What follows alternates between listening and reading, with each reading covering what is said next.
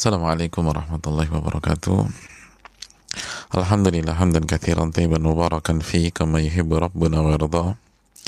Wassalatu wassalamu ala nabiyyina Muhammadin wa ala alihi wa sahbihi wa man sara ala nahjihi bi ihsanin ila yaumidin wa ba'd.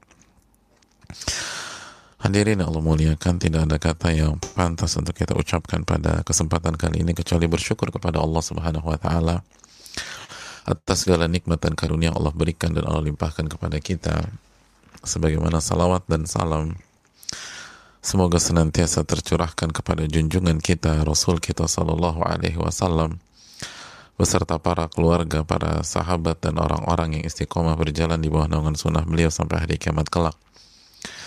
Saudaraku yang semoga Allah muliakan di detik-detik terakhir sebelum memasuki malam ke-21. Dan jarak antara kita dengan malam ke-21 hanya tinggal beberapa jam saja. Marilah kita awali dengan bersyukur kepada Allah.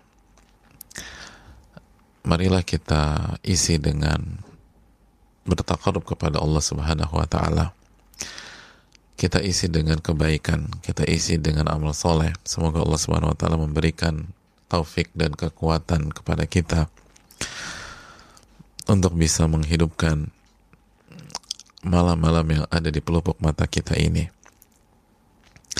dan sebuah kebahagiaan kita bisa kembali bersama Al Imam An Nawawi rahimahullahu taala dengan karya beliau yang sangat fenomenal Riyadus Salihin tamannya orang-orang soleh.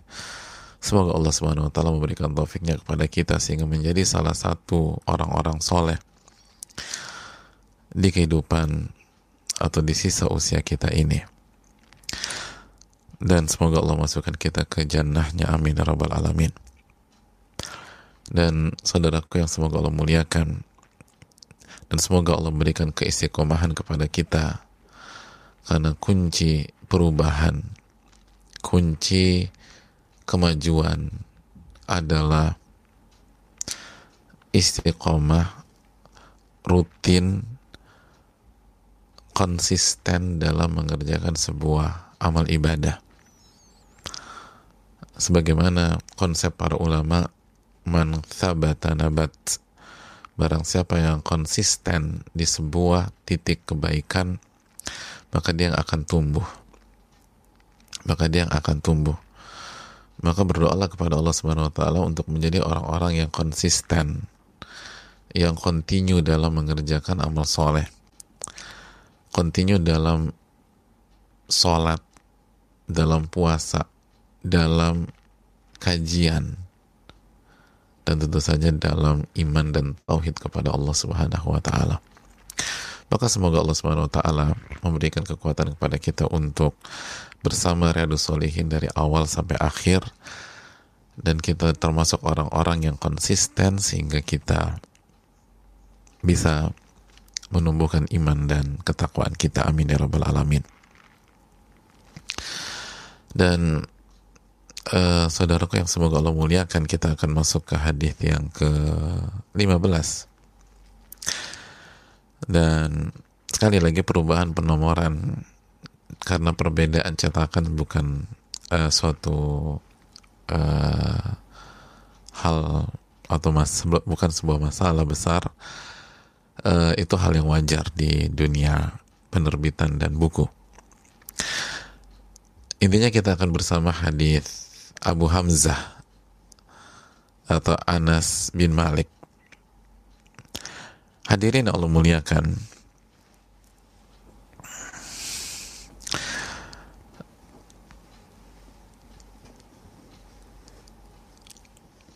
Wa'an Abi Hamzah Anas bin Malik Al-Ansari dari Abu Hamzah Abu Hamzah itu kunyah kunyahnya siapa? Anas bin Malik Al-Ansari khadimi Rasulullah sallallahu alaihi wasallam radhiyallahu taalaan. Jadi Anas bin Malik adalah asisten Nabi Sallallahu Alaihi Wasallam mungkin bahasa kita demikian beliau menyampaikan bahwa Rasulullah SAW bersabda Allahu afrahu bitaubati abdihi min ahadikum saqata ala ba'irihi. Waqad adallahu fi ardi falah.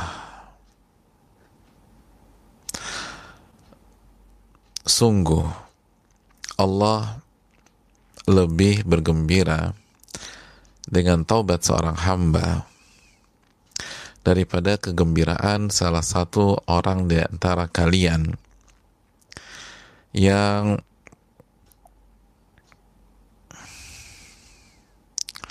sakata ala ba'irihi. Dia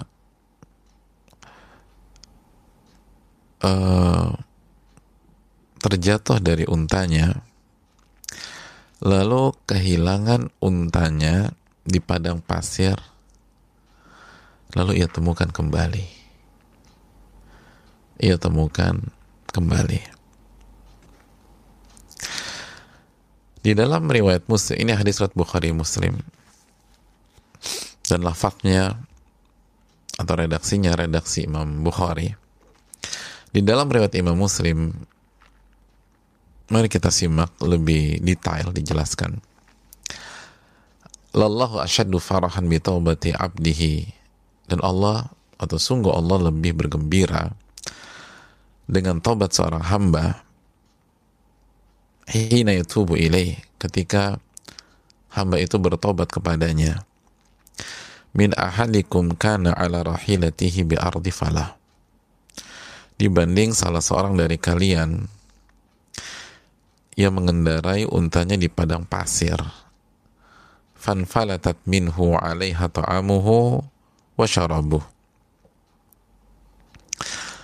Lalu untanya kabur, menghilang. Jadi mungkin dia terjadi dia turun dari ontanya. Dia istirahat. Dia ketiduran atau dia memang tidur capek banget padang pasir tuh capek aja mah oh kita naik bus bus dari Mekah ke Madinah atau Madinah ke Mekah aja udah luar biasa ini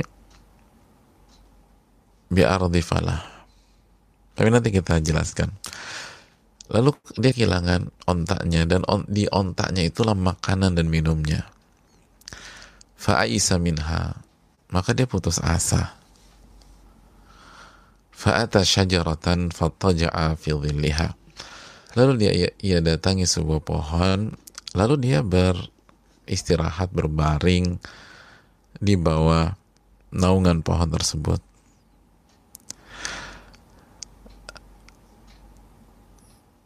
qad yaisa min dia udah putus asa terhadap untanya itu fabainama huwa kadzalik idh biha qa'imatun indah. Ketika dia dalam kondisi demikian tiba-tiba ontanya datang. Persis di hadapannya. Fa akhadha bi khitamiha lalu dia ambil tali kekangnya thumma qala min syiddatil farah. Lalu dia ucapkan karena saking gembiranya Allahumma anta abdi wa ana rabbuk. Ya Allah engkau adalah hambaku dan aku adalah Rabbmu akhta'a min syiddatil farah salah ngomong karena sangat amat gembira sangat amat gembira Hadis riwayat Imam Bukhari Muslim dan yang kedua adalah redaksi dari Imam Muslim. Saudaraku yang semoga Allah muliakan.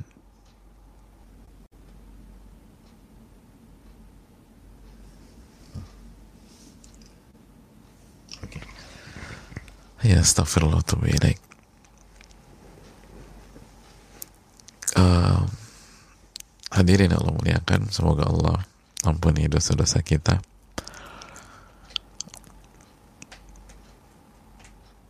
uh, kita lanjutkan. Anas bin Malik Anas bin Malik. Dan Anas bin Malik sudah kita angkat di hadis yang keberapa? Hadis yang keempat. Dan kita jelaskan bahwa beliau adalah asisten Rasul Shallallahu Alaihi Wasallam yang sangat setia melayani dan berkhidmat kepada Nabi Shallallahu Alaihi Wasallam dan kunci beliau menjadi tokoh besar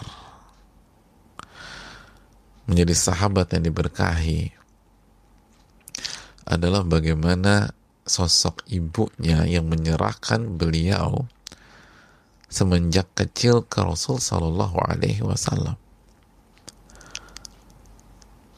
Ibunya dengan cerdasnya memberikan anaknya, tapi nggak ngasal memberikan, memberikannya ke Rasul Sallallahu Alaihi Wasallam. Ini anak saya silakan.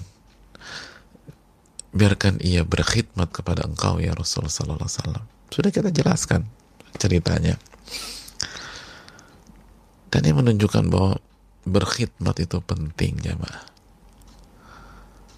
berkhidmat itu penting dan akhirnya beliau menjadi salah satu sahabat yang banyak meriwayatkan hadis-hadis Nabi Shallallahu Alaihi Wasallam. Itu Anas bin Malik. Kita lanjutkan jamaah sekalian. Pelajaran yang kita bisa petik dari hadis ini Hadis ini memberikan pelajaran kepada kita bahwa Allah Subhanahu wa taala memiliki sifat gembira. Ya Allah memiliki sifat gembira.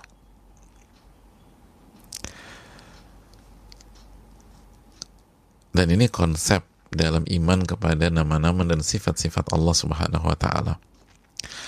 Salah satu imam besar yang bernama Al-Imam Ibnu Abil Izz salah satu ulama madhab Hanafiyah beliau mengatakan ma'athbatahu Allahu wa rasuluhu athbatnah apa yang ditetapkan oleh Allah dan Rasulnya maka kita tetapkan wa wa rasuluhu nafainah dan apa yang ditiadakan oleh Allah dan Rasulnya maka kita tiadakan.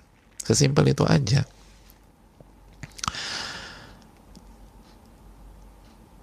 Kan begitu ya? Karena yang paling tahu tentang Allah ya Allah gitu loh.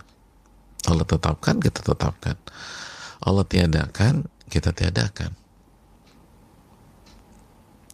Ketika Allah dan Rasulnya menyatakan Allah tuh gembira loh dengan taubat seorang hamba, maka kita tetapkan bahwa Allah itu punya sifat gembira. Allah itu punya sifat gembira.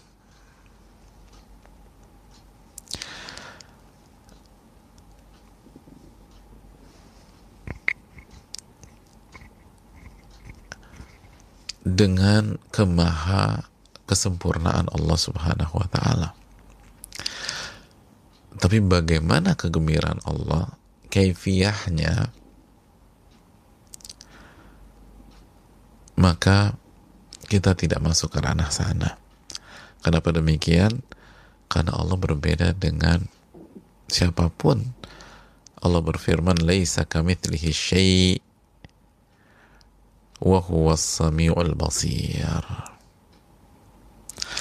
Allah itu tidak serupa dengan apa pun. Dan Allah lah yang maha mendengar lagi maha melihat. Dalam surat Ashura ayat 11 dalam surat Ashura ayat 11 atau ayat yang sudah kita bahas. Walam yakun lahu kufuan ahad. Jadi hadirin Allah muliakan. Tapi Allah gembira kata Nabi SAW. Allah gembira. Jadi Allah sangat gembira dengan taubatnya seorang hamba. Dan ini penting, jamaah. Ini penting. Nanti kita jelaskan betapa pentingnya dan urgennya sifat ini dalam kehidupan kita. Dalam kehidupan kita.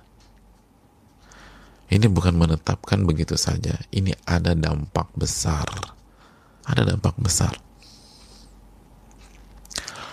pelajaran yang berikutnya. Pelajaran yang berikutnya. Yang bisa kita petik dari hadis ini. Bahwa hadis ini memberikan pelajaran kepada kita. Bahwa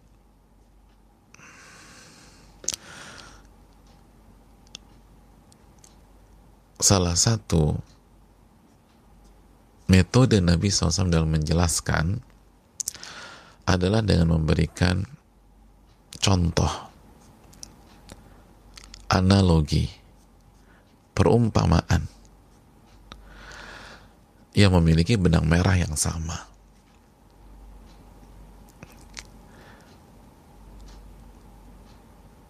Dan kalau untuk Allah Subhanahu wa taala maka dinamakan kias aula. Hanya boleh menggunakan hal-hal yang positif dan Allah berada di level tertinggi dan terbesar. Maksudnya gini loh. Seperti ini. Orang tuh gembira banget. Allah lebih gembira lagi. Atau Nabi SAW mengatakan, Lallahu arhamu bi ibadihi min hadhihi biwaladiha. Allah tuh lebih sayang sama hambanya dibanding sayangnya seorang ibu kepada anaknya. Jadi kalau manusia begitu bisa melakukan sifat baik seperti itu, kalau ibu bisa sayang sama hambanya, eh, ibu bisa sayang sama anaknya seperti itu, apalagi Allah. Allah memiliki sifat sayang yang sempurna, apalagi Allah gitu loh. Nah hadirin yang Allah muliakan uh, kembali poin bahwa contoh analogi permisalan itu penting. Sangat-sangat penting. Dan lebih mudah ditangkap dan lebih mudah membuat orang tuh mengerti gitu loh jamaah. Makanya para ulama mengatakan ini akan bahwa Nabi menggunakan contoh permisalan atau analogi untuk menjelaskan sebuah pesan. Dan contoh ini banyak banget dalam Al-Quran dan hadis Nabi SAW. Karena dengan contoh itu kita bisa lebih memahamkan sebuah pesan dan makna kata para ulama itu pelajaran bagi kita poin yang berikutnya jemaah sekalian poin yang berikutnya hadis ini memberikan pelajaran kepada kita.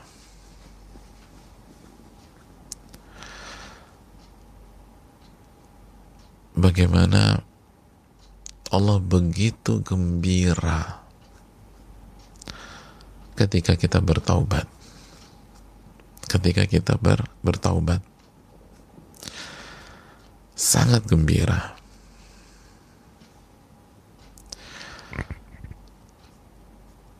bayangkan jemaah sekalian. Seseorang yang berada di padang pasir berjalan dengan ontaknya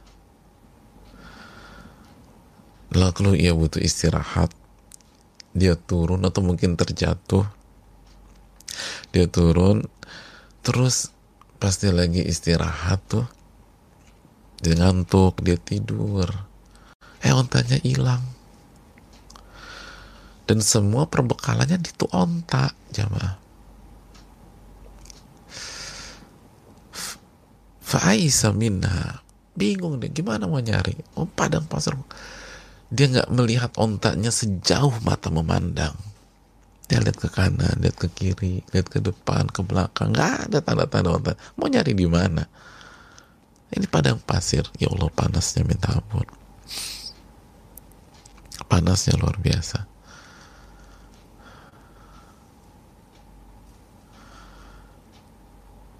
itu luar biasa jamaah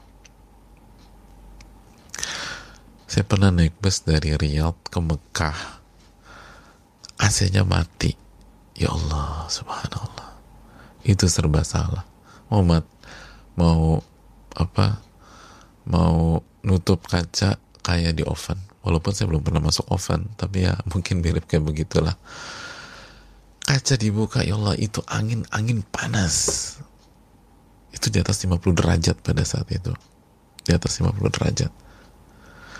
Itu tapi masih dalam bus ini di luar ya Allah. Udah gitu ontanya nggak ada. Ontanya hilang. Makanannya di situ semua airnya di situ semua. Faisa minha putus asa dia. Putus asa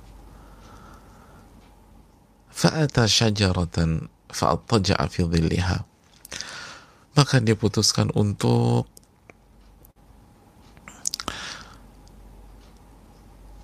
berteduh ke sebuah pohon. Di naungan pohon tersebut. Sambil melewati detik demi detik itu dengan keputusasaan. Dan Allah mengatakan ini bukan putus asa kepada si ontak semata. Wa aisa min hayati. Dia putus asa dengan kehidupannya. Itu dijelaskan para ulama seperti Al-Imam Muhammad bin orang kalau udah begitu jamaah itu artinya mati. Mati. Udah putus asa. Dan nggak bisa ngapa-ngapain.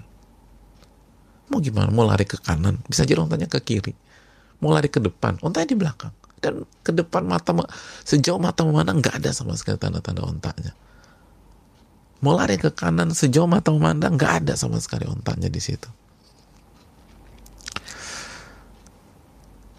Hadirin yang Allah muliakan. Mungkin salah satu, mungkin ya salah satu gambaran kondisi beliau pada saat itu yang mungkin ada sebagian kita yang mengalaminya turbulensi di pesawat yang sangat luar biasa.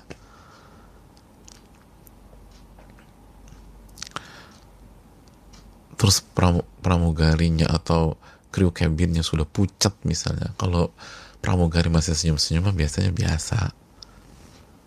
Penumpang aja paranoid misalnya gitu. Tapi kalau pramugari udah pucat oh itu serius mah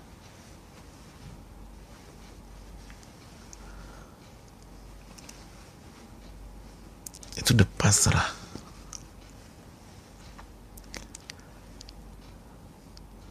nggak ada jalan keluar Mau gimana coba?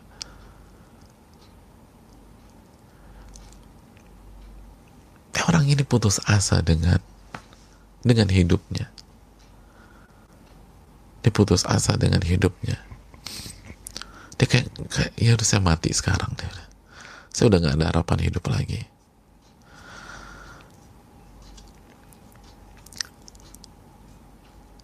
Ini ajal saya. Itu yang ada di benak dia.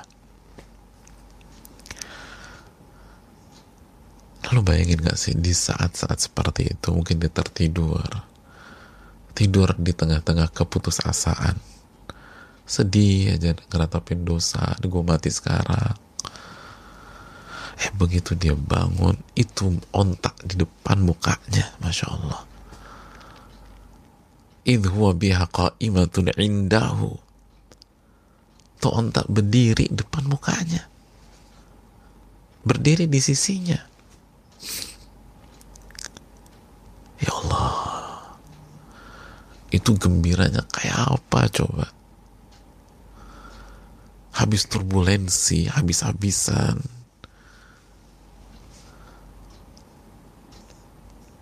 Kapten udah minta maaf. Pilotnya udah bilang doa. Mari kita berdoa kepada Allah. Saya tidak bisa mengendalikan pesawat ini ini kondisi di luar kemampuan saya kita udah kehilangan kontak dengan menara itu semua udah panik udah teriak udah nangis.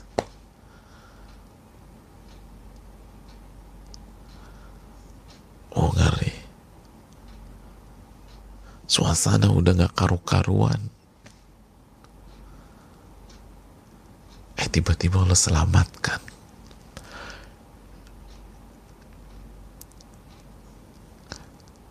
Atau misalnya mau landing tiba-tiba rodanya nggak bisa keluar. Mau nggak? Ini harus landing tapi kok rodanya nggak keluar? Itu deg-degannya kayak apa? Eh ternyata berhasil landing. Ya Allah itu senengnya gembiranya. Oh nangis ya mah. Nggak karuan bahagianya tuh kayak apa? Udah roda nggak bisa keluar nih.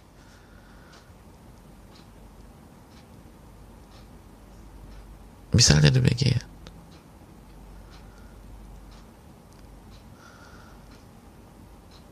Hadirin Allah muliakan eh selamat pada saat itu. Itu nangis sujud syukur. Meluk. Terharu. Makanya nggak heran itu orang langsung ambil tali kekangnya sambil mengucapkan Allahumma anta abdi wa anna rabbuk ya Allah engkau adalah hambaku dan aku adalah Robmu saking senangnya nih orang Saking senangnya udah keceplosan udah. Ya Allah engkau hambaku dan aku Rabbmu. Akhta'a bisyiddatil farah. Salah saking senangnya. Saking senangnya. Kebayangan gak sih? Orang mungkin di antara kita ada yang pernah ngadepin masalah-masalah masa-masa krisis seperti itu kondisi emergensi yang luar biasa. Mungkin pesawat terbang, mungkin kapal. Dapat kita gulungan ombak berapa meter. Udah udah berat ya. Allah selamatin. Lalu begitu selamat kita nangis, kita plong, kita bahagia, kita senang, kita gembira. Dan Nabi SAW bersabda, Lallahu arafrah bitaubati abdihi min ahadikum. Dan Allah lebih gembira lagi dari itu jamaah. Jika kita bertobat kepada Allah Subhanahu wa taala. Kita lebih, Allah lebih gembira lagi dari momen itu, dari momen itu. Oh itu udah itu mungkin salah satu pemandangan terbaik di dunia kita lihat apa namanya dokumenter gitu ya oh, penumpang yang berhasil selamat dari perjalanan maut atau awak kapal yang berhasil diselamatkan dari perompak gitu.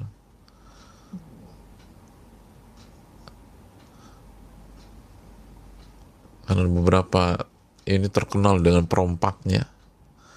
Berhasil selamat. Itu begitu ketemu keluarga itu dia peluk dia nangis. Allah lebih senang dari momen itu. Subhanallah.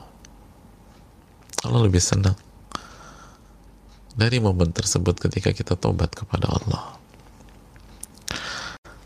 Ketika kita ucapkan Rabbik firli wa tuba alaiya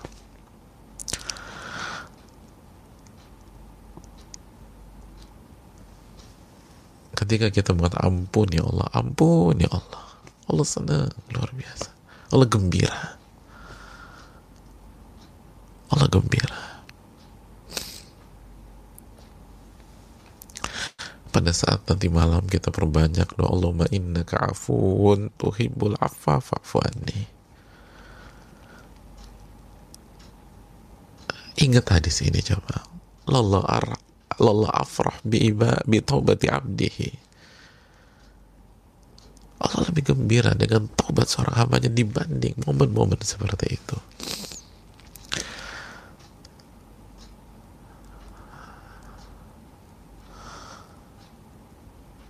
Oh subhanallah. Allah nggak marah sama kita.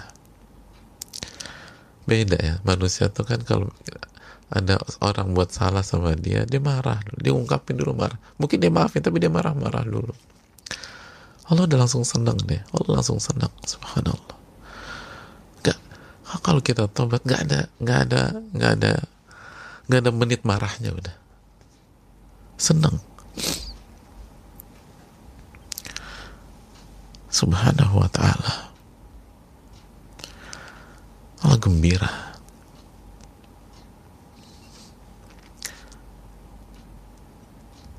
kita masih marah. Padahal yang buat salah anak kita sendiri. Buah buah hati kita yang buat salah tapi masih marah tuh.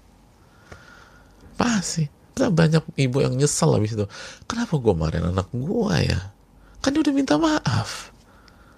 Sedih aja tuh si ibu atau seorang ayah. Kenapa sih? Aku marah-marah sama si abang misalnya. Atau aku marah-marah sama kakak kan dia minta maaf.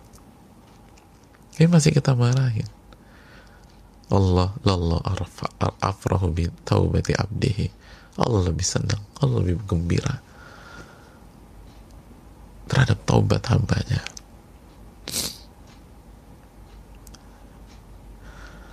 Oh, itu pelajaran besar jamaah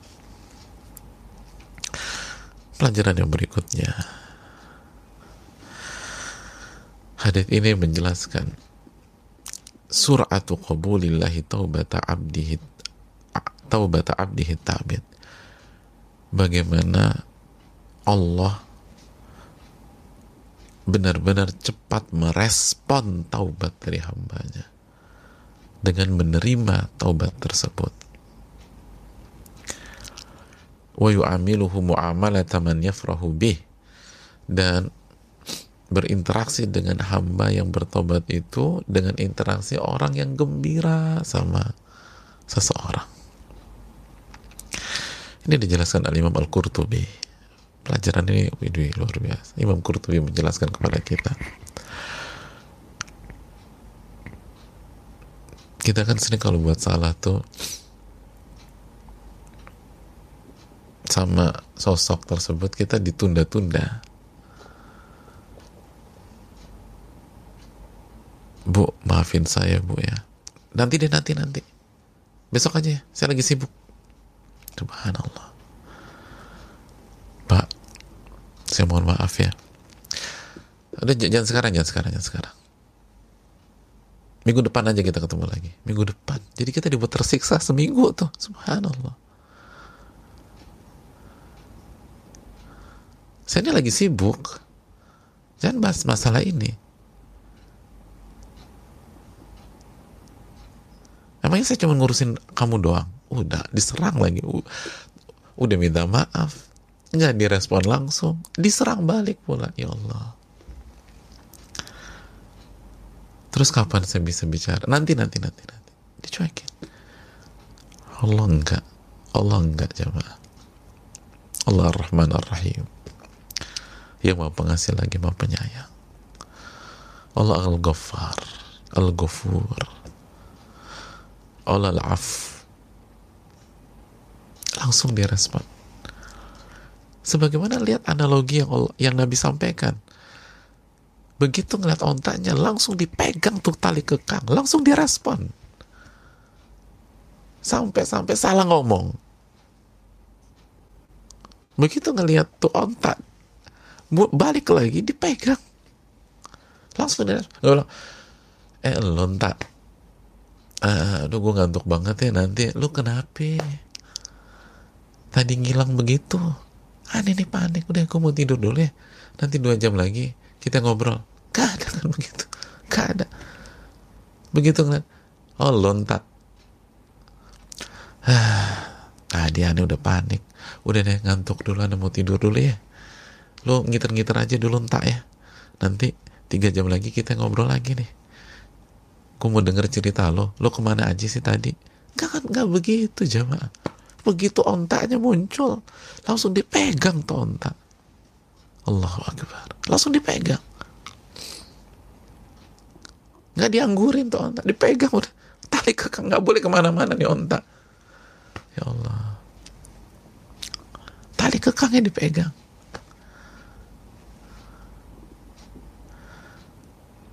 Kita bayangin gak sih kita buat salah sama seseorang. Orang besar. Tokoh besar. Banyak orang ingin deket sama dia.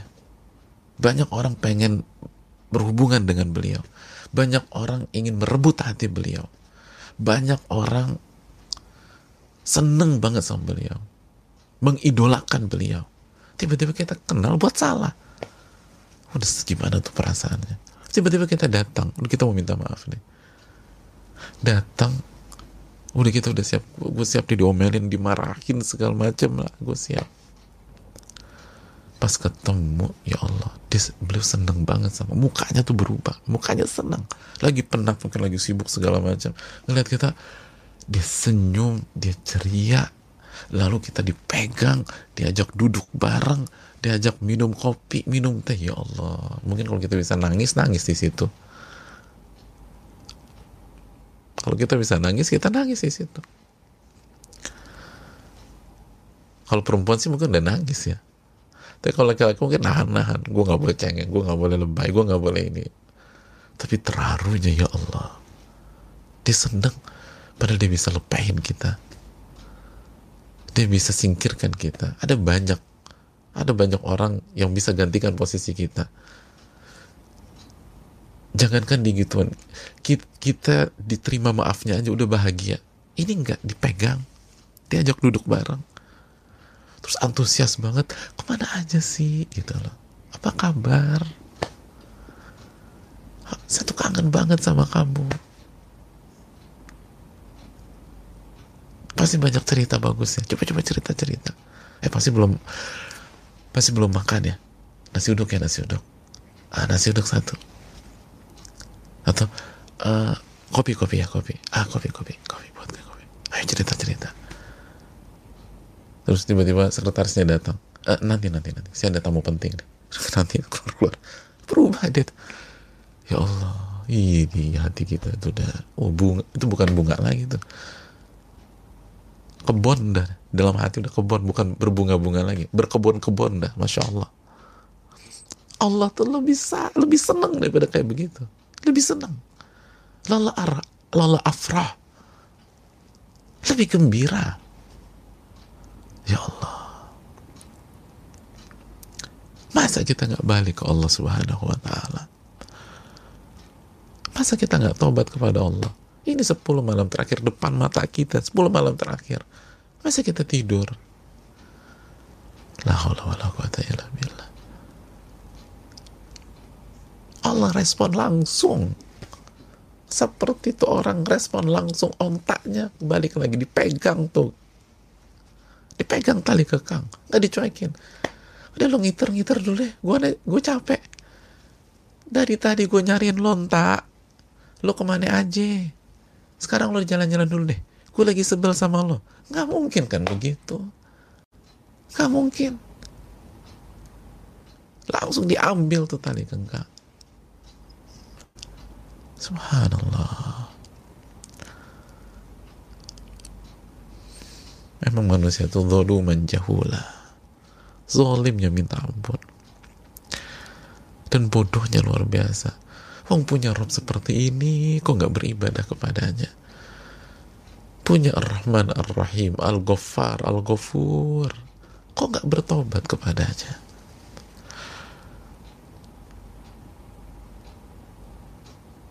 Nastaghfiruhu wa natubu ilaih semoga Allah ampuni dosa-dosa kita.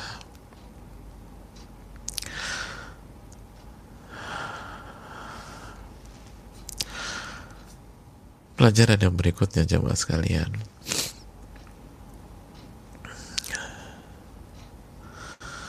Hadis ini memberikan pelajaran kepada kita. Pentingnya sebuah harapan pentingnya sebuah harapan dalam kehidupan manusia. Karena hadis ini kata para ulama membuka pintu harapan yang sangat besar kepada seorang anak manusia.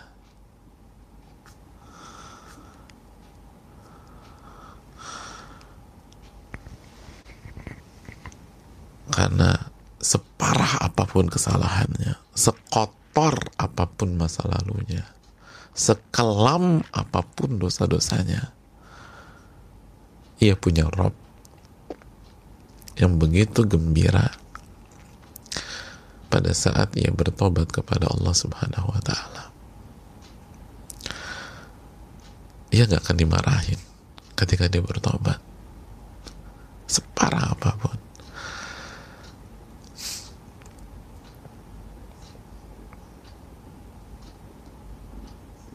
saya kenal dengan beberapa teman waktu dulu itu waktu sekolah. Itu ketika dia pakai mobil orang tuanya terus nabrak dia nggak berani pulang. Emang nabrak dia pinjam tuh nabrak. Apalagi minjemnya nggak bilang-bilang. Lo main ambil kunci mobil keluar ya biasa jalan-jalan. Eh nabrak nggak berani pulang lo kenapa nggak pulang gue kalau pulang bokap gue pasti ngamuk sama gue itu mobil kesayangannya.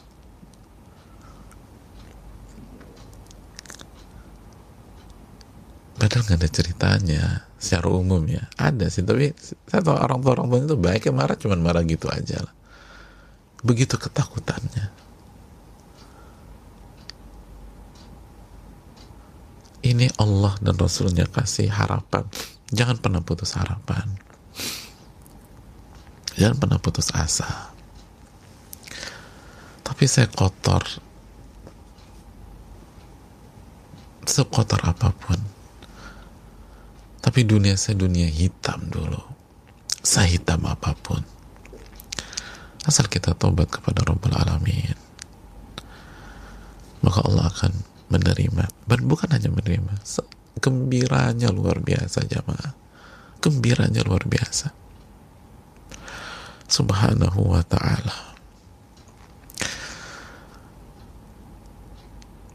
Jadi inilah tugas kita memberikan harapan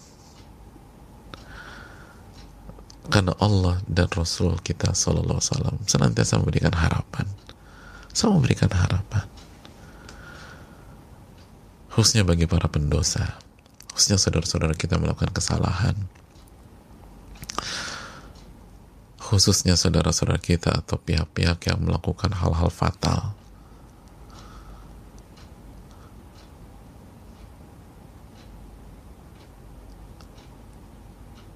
Yang melakukan dosa-dosa besar. Itu kan yang Allah firmankan dalam sebuah ayat yang sempat kita angkat Qul ya ibadi katakanlah wahai hamba-hambaku alladzina asrafu ala anfusihim yang telah melampaui batas terhadap diri-diri mereka sendiri la taqnatu min rahmatillah jangan pernah putus asa dari rahmat Allah Jangan pernah putus asa. Jangan pernah putus asa. Kenapa demikian? Inna Allah yakfiru dhunuba jami'a. Sesungguhnya Allah mengampuni seluruh dosa jika kita bertobat. Innahu huwal ghafurur rahim. Sesungguhnya Allah yang maha pengampun lagi maha penyayang. Bukankah ayat ini juga memberikan harapan kepada kita? Karena hidup itu butuh harapan, jemaah Kenapa orang bunuh diri? Kenapa orang bunuh diri? Karena dia pikir dia udah gak punya harapan lagi. Islam hadir untuk memberikan harapan itu. Allah firmankan surat Az-Zumar ayat 53 ini. Nabi bersabda dengan hadis Bukhari Muslim ini. Itu ingin menjelaskan separah apa pun kesalahan kamu, selalu ada pintu harapan. Selama matahari belum terbit di dari timur eh, belum terbit dari barat atau nyawa berada di kerongkongan maksimalkan maksimalkan maksimalkan oleh karena itu jamaah yang Allah muliakan harapan itu ada dan kita ada di momen yang besar. Insya Allah kita akan melangkah di 10 malam terakhir di 10 hari terakhir di Ramadan. Gunakan kesempatan ini sebaik-baiknya. Sebaik-baiknya. Wallahu ta'ala alam bisawab. Lalu yang terakhir jamaah sekalian hadis ini memberikan pelajaran kepada kita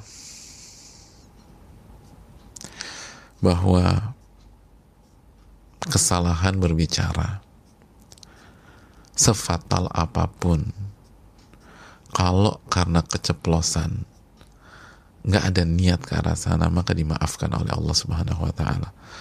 Ini kalimat kufur. Allah Allahumma anta abdi wa ana rabbuk. Ya Allah, engkau adalah hambaku dan aku adalah Rabbmu.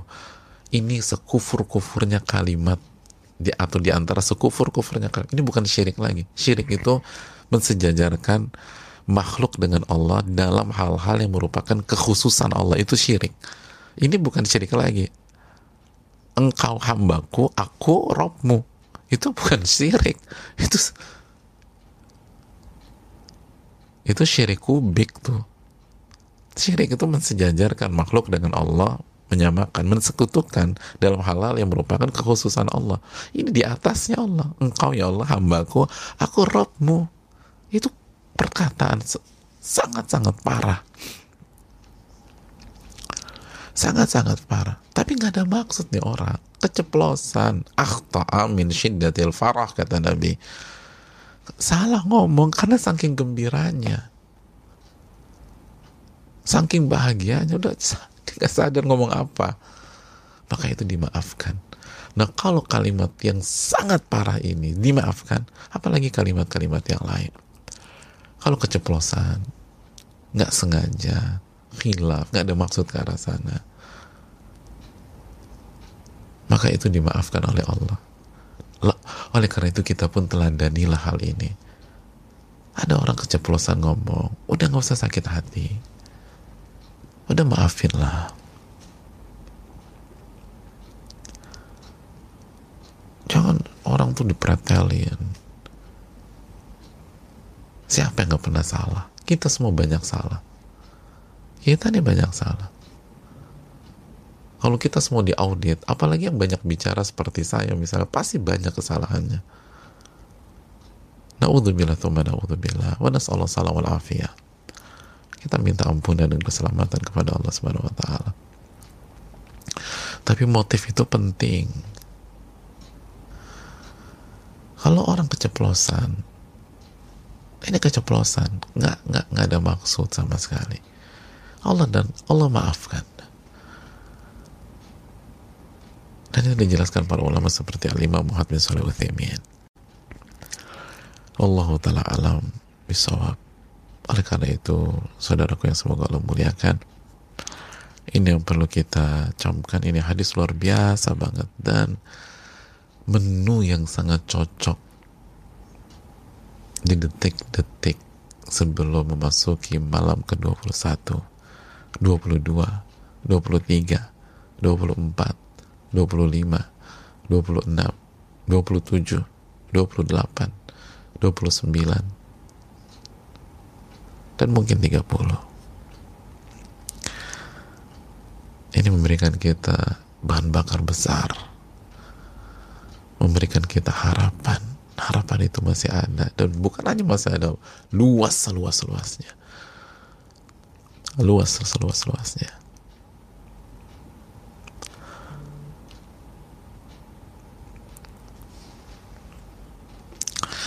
Semoga Allah memberikan taufik kepada kita. Allah taala alam bisawab. Yang berikutnya jamaah yang Allah muliakan. Sebelum kita buka sesi tanya jawab sebentar, uh,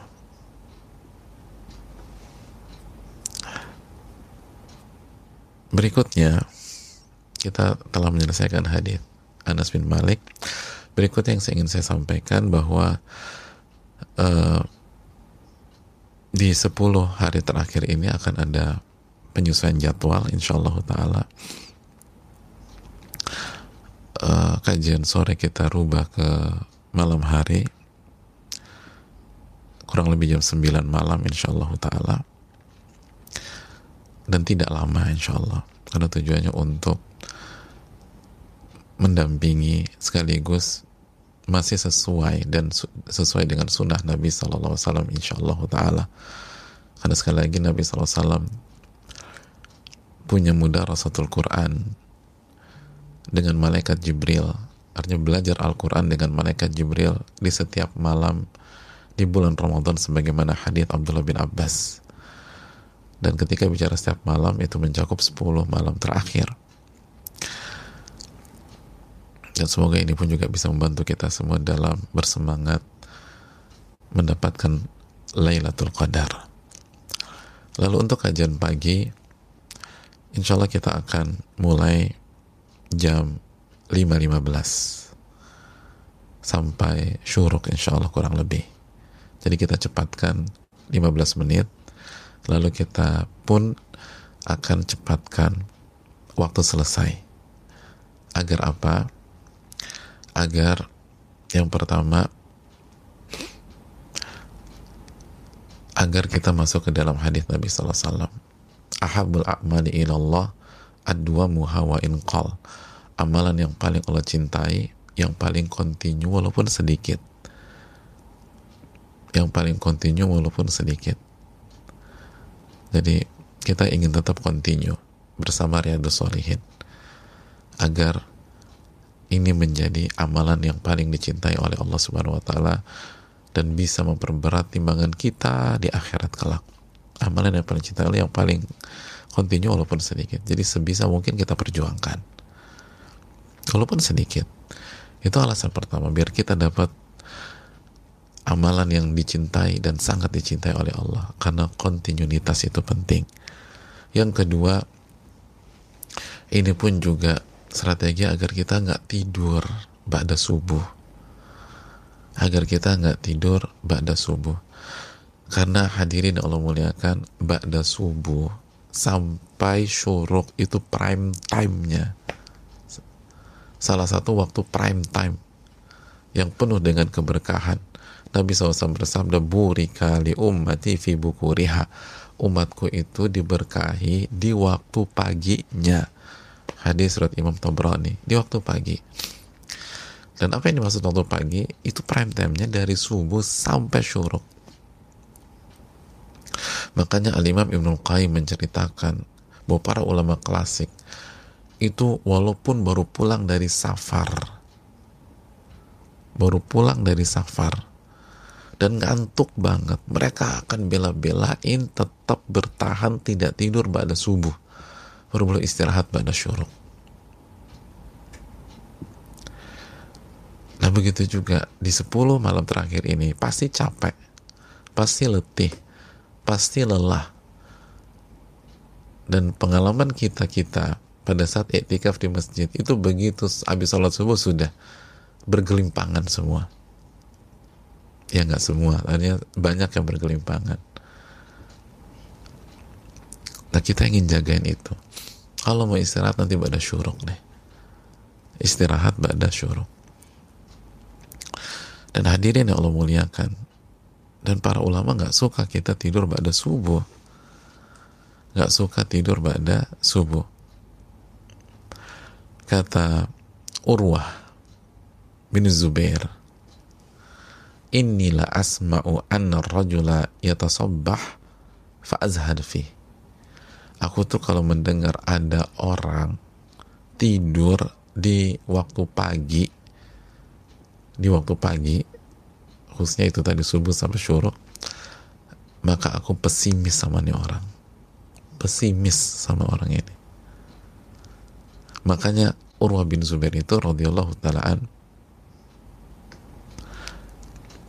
itu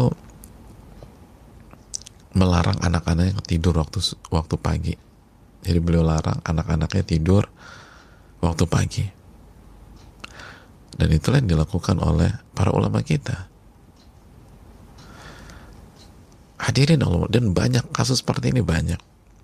Bahkan Ali radhiyallahu taalaan pernah mengatakan diriwayatkan minal jahli an-naumu fi awalin nahar salah satu bentuk kebodohan tidur di waktu pagi harusnya itu subuh sampai syuruk itu Ali bin Abi Thalib bukan saya. Nggak berani baca. Itu riwayat dari Ali bin Abi Thalib. Abdullah bin Abbas kalau melihat anaknya tidur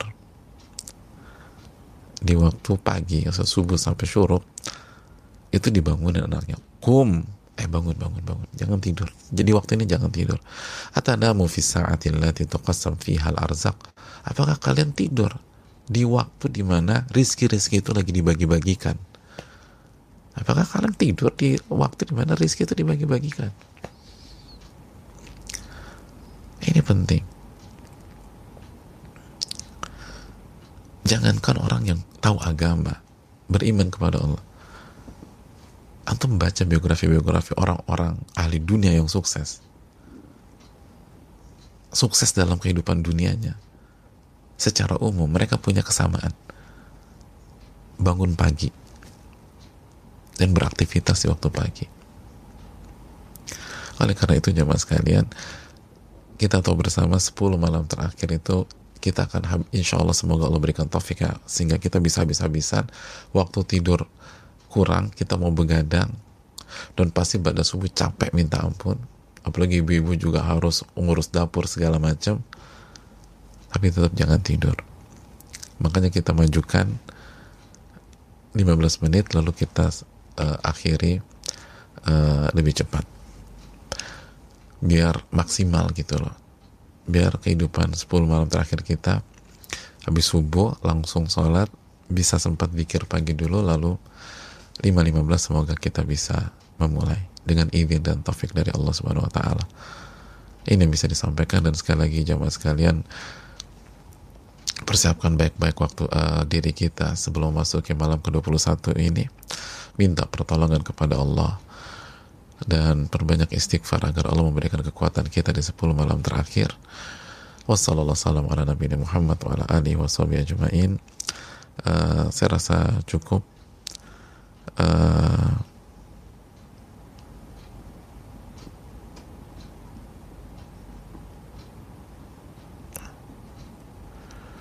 semoga kita bisa mendapatkan taufik dari Allah. Subhanahu wa ta'ala Assalamualaikum warahmatullahi wabarakatuh